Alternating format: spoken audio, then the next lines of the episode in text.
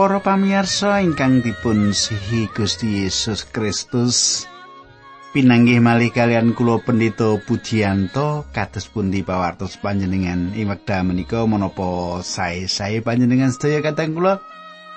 Panjenengan kula panjenengan tansah pinayungan dening Gusti lan tansah binerkahan dening Gusti kados padatan kula badhe sesarengan kalian panjenengan ing sawetawis wekdal menika wonten ing salebetipun adicara margi utami. Kula suwun panjenengan saged pinara ingkang sekeca lan sesarengan ngraosaken kados pundi pangandikanipun Gusti kita peperaken. Nah, kata kula sugeng midhangetaken adicara menika.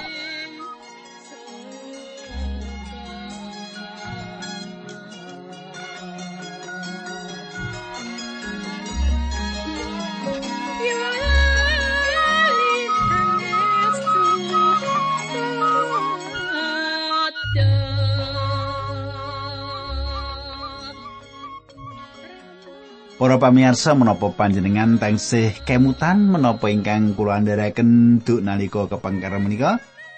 Saya sangat menawi kula badhe ngaturaken dumateng panjenengan malih reringkesanipun makaten. Wonten ing pepanggihan kepengker kita sampun nyemak sedanipun Saul lan Jonathan ing tengah-tengahipun peperangan nggih. Daud nangisi wekdal semanten lajeng kelajenganipun kados pundi? Nanging sadèrèngipun kula lajengaken landhetungo kula badhe ngaturaken salam rumiyin dumateng Bapak Kristanto nggih. Bapak Kristanto. Kados pundi Bapak Kristanto menapa panjenengan sareng-sareng kalian kula ing wanci menika? Mugi-mugi kados mekaten nggih. Nah, kateng kula monggo kita tumungkul kita ndedonga sesarengan.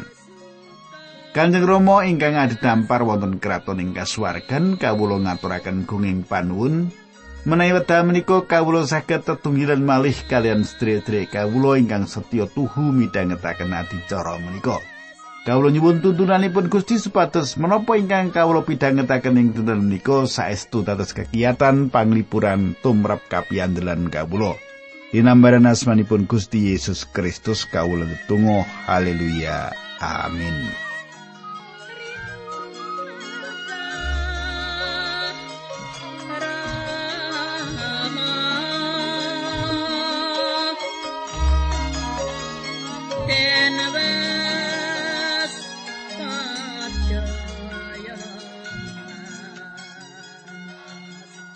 Para pamirsa ingkang kula tresnani, samenika pasinaon kita sampun lumebet ing kalih Samuel bab kalih. Pasinaon kita sampun lumebet ing kalih Samuel bab kalih. Kula badhe waosaken ayat setunggal. Sawise mengkono Daud munjuk marang Gusti Allah. Menapa Gusti ngersakaken kawula kisah saha ngwaosi satunggaling kita ing Yehuda? Pangandikane Gusti Allah mangkato.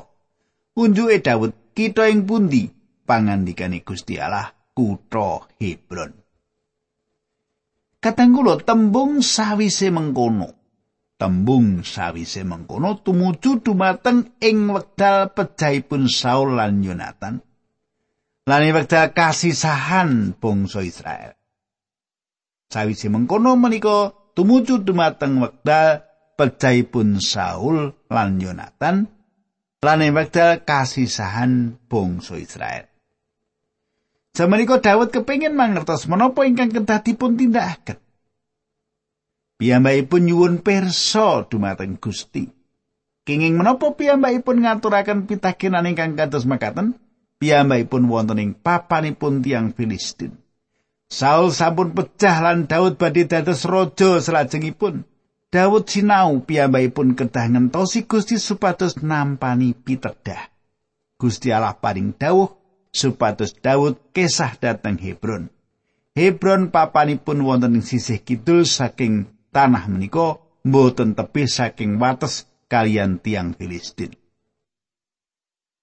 Samenika ayat kalih dumugi ayat 3. Daud banjur lunga menyang Hebron bebarengan karo bojone loro Ahinoam saka Israel sarta Abigail randane Nabal saka Karmel. Mengkono uga para prajurit lan para brayate padha melu Daud banjur padha manggon ing kutha Hebron. Kadang kula para pandherepun Daud ingkang setya sesarengan kalian piyambakipun lan beto keluarganipun manggen wonten king kitha-kitha Hebron.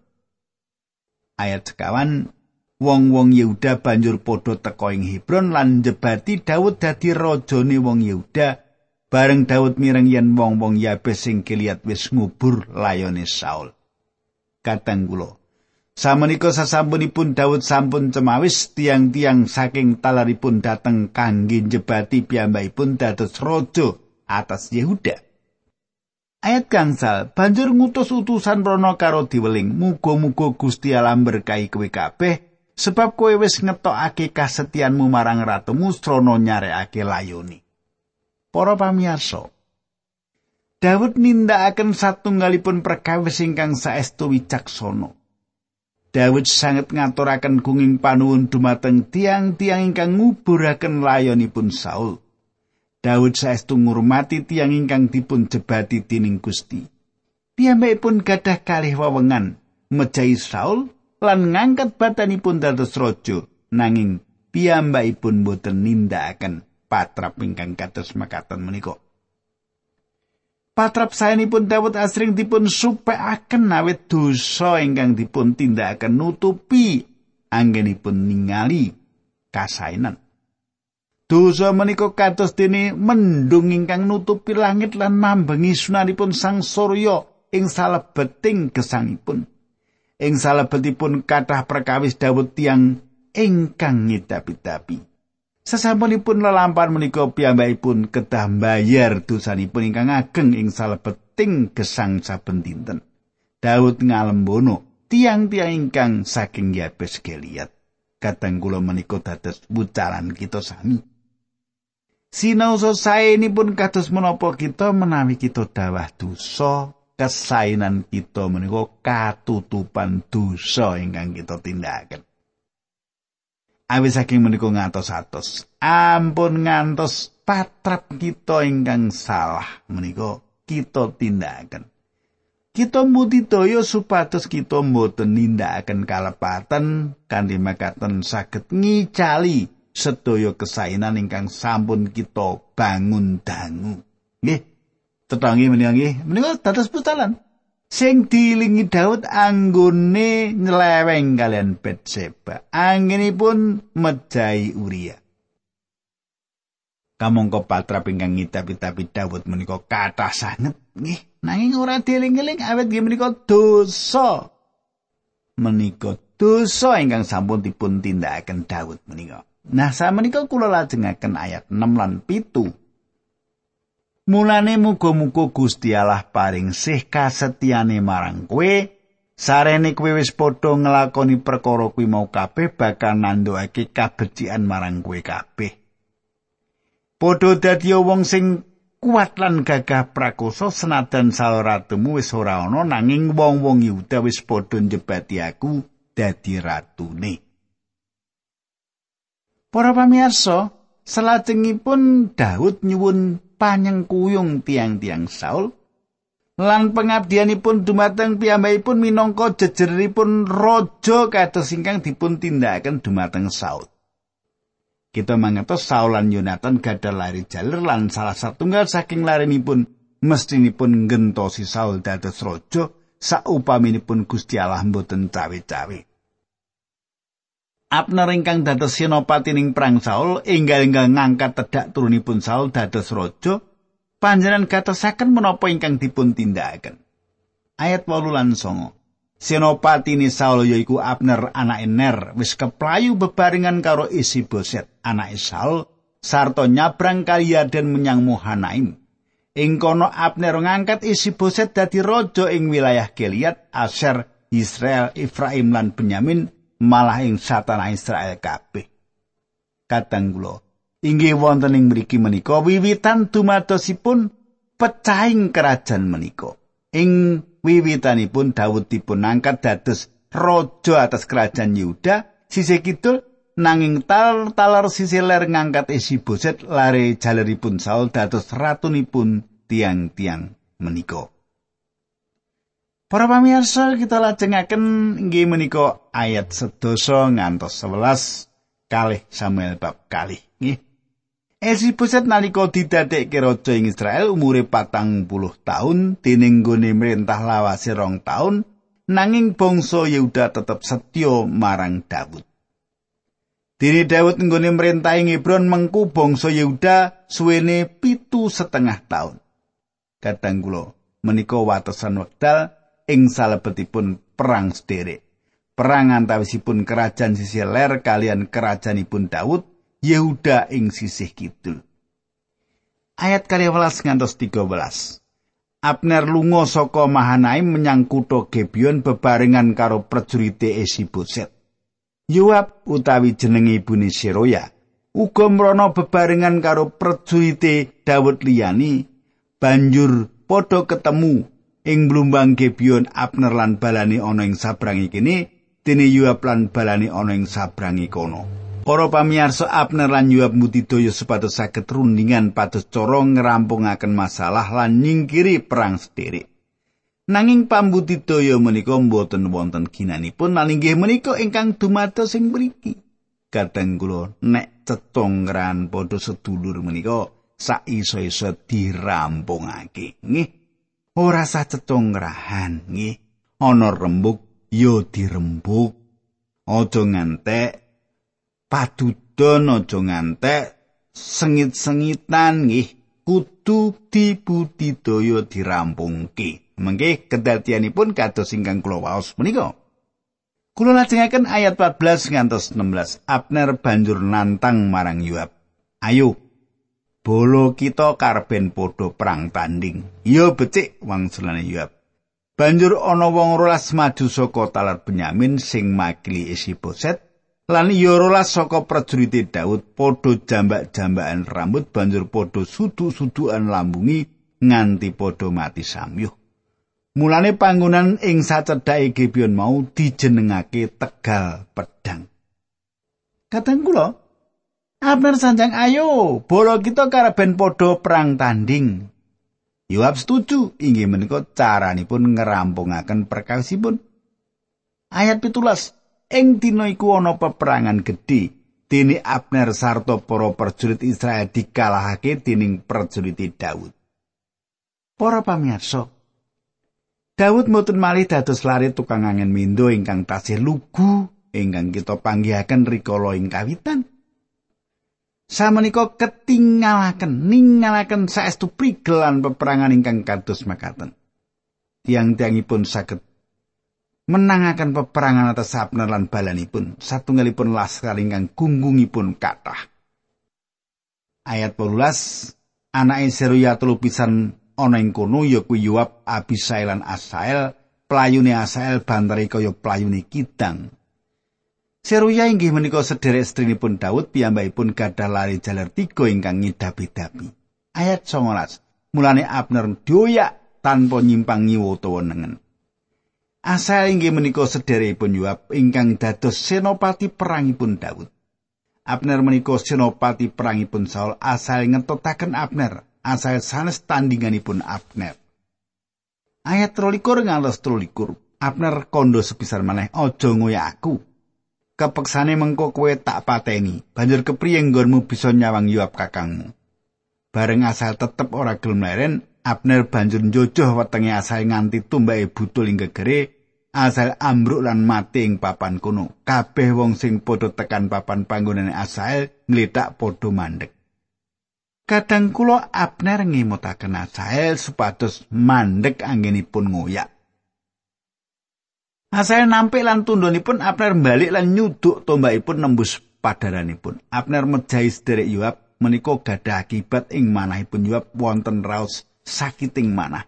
Sengit lan gadah kekajengan bales dendem. Ayat 3 kali. Sawise kuwi Yoab lan perjurite padha ngangkat disime Asael lan dikubur ana ing kuburani keluargane ing Bethlehem. Banjur padha mlaku sawengi muput sarta tekan ing Hebron ing wayah para esuk.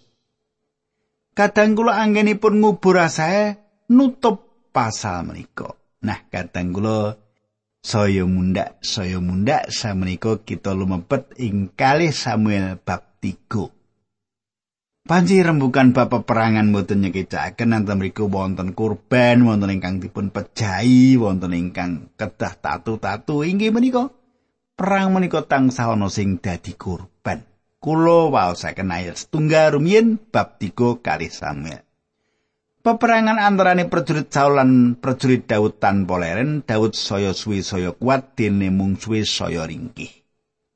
Kadang kula kahanan ingkang dumados sing tanah Israel inggih menika cecongkrahan saking lebet. Wonten perang sederek, kegiatan bangsa menika tambah mundur. Ayat kalih ngantos gangsal.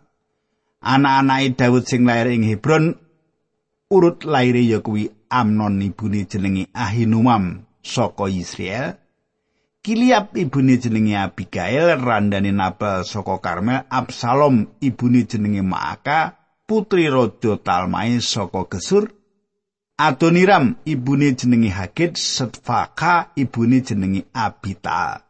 Yitram ibune jenenge Egla, anak enem kuwi lairi ana ing Hebron. Para pamirsa panjenengan saged ningali bilih Daud gadah istri langkung kalih. Piyambakipun gadah Sema sanes lan samenika badhe ndatengaken perkawis ageng kanginipun Daud. Sema, Sema menika badhe ndatengaken perkawis ageng. Gusti Allah mboten ngeparengaken lan Daud mboten saged uwal saking perkawis menika. Salah satunggalaripun Daud Absalom badhe mimpin satunggalipun pambalilo dumateng Daud. Absalom sejatosipun satunggalipun lari jalaripun ingkang dipun rancang Daud saged marisi dampar keprabonipun. Nanging piyambakipun dipun pejahi kanthi kejem dening Yoab ing satunggalipun peperangan. Sabun temtu lelampahan ingkang kados makaten menika ngremuk manahipun Daud. Sinten to ibunipun Absalom menika? Inggih menika Maaka, lari setrinipun Talmai, Raja Gesur. Sinten to Raja Gesur menika? Ing setunggal Samuel 17 ayat 8 panjenengan badhe manggihaken bilih Daud lan tiang-tiangipun ngrebut gesur Girsi lan tiang Amalek. Daud mejahi tiang-tiang menika lan Daud nawan laris trinipun gesur salajengipun dipun dadosaken istri. Kadang kula Gusti Allah ningali perkawis menika lan Daud mboten saged uwal saking dosanipun.